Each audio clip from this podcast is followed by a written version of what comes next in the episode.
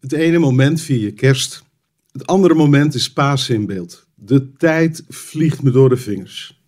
Misschien ligt het aan mij, maar soms verbaast het me hoe snel de tijd gaat. Het voorjaar is alweer doorgebroken. In Amsterdam zie ik steeds meer toeristen. De keukenhof is in trek. Daarom heb ik een week als deze nodig. De stille week. Om even pas op de plaats te maken en stil te staan bij Jezus. Bij zijn Via Dolorosa. Zijn kruisiging en opstanding. En ik hoop dat je ook zelf de drukte en de stress kunt doorbreken om even stil te gaan staan. Daar knap je vast van op. Je moet van ophouden weten. In de laatste weken heb je me al vaker horen verwijzen naar mensen die onopvallend betrokken waren bij Jezus, zo vlak voor zijn sterven. En nu neem ik je mee naar nog zo iemand. Heel even komt hij in beeld, maar daarna is hij weer verdwenen. Ik heb het over de man die in de Bijbel te boek staat als Simon van Cyrene. Hij wordt in Matthäus heel kort genoemd. Marcus wijdt iets meer woorden aan hem. Er staat dit. Toen brachten de soldaten Jezus weg om hem aan het kruis te hangen. Er kwam net een man de stad in. Het was Simon van Cyrene, de vader van Alexander en Rufus. Hij moest van de soldaten meekomen om het kruis te dragen. Even heel kort de setting van deze woorden. Jezus is veroordeeld en gemarteld. Nu is hij op weg naar de kruisiging en hij kan niet meer verder. De soldaten trekken een willekeurige voorbijganger uit het publiek die Jezus moet helpen. En dat is dus Simon van Cyrene. Een Joodse man die in Cyrene gewoond heeft. Dat was een kolonie in Noord-Afrika. Blijkbaar is hij weer terug in Jeruzalem en op dat moment is hij de persoon die gedwongen wordt om Jezus te helpen. Waarom Simon? We hebben geen idee. Kwam hij net aanlopen? Stond hij al een poosje te kijken? Had hij medelijden met Jezus of keek hij uitdagend naar de soldaten?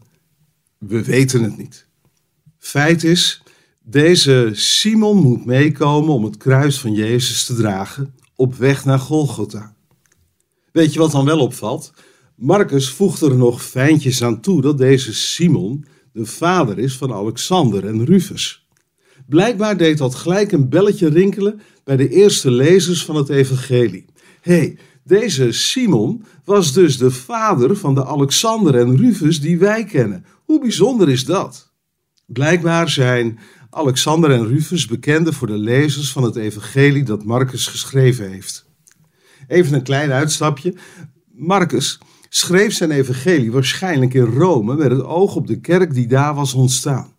En als je dat in je achterhoofd houdt, is het opvallend om in de brief die Paulus aan de kerk in Rome geschreven heeft, dan weer dit te lezen. Groet Rufus van mij.